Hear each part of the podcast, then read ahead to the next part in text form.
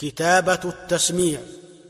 ويكتب اسم الشيخ بعد البسمالة والسامعين قبلها مكملة مؤرخا أو جنبها بالطرة أو آخر الجزء وإلا ظهره.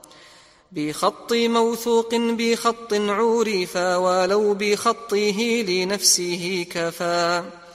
إن حاضر الكل وإلا استملى من ثقات صحاح شيخ أملا وليعير المسمى به إن يستعر وإن يكن بخط مالك سوطر. فقد رأى حفص وإسماعيل كذا الزبير فرضها إذ سيلوا. إذ خطوه على رضاه دل بل هذا كشاهد يؤدي ما حمل.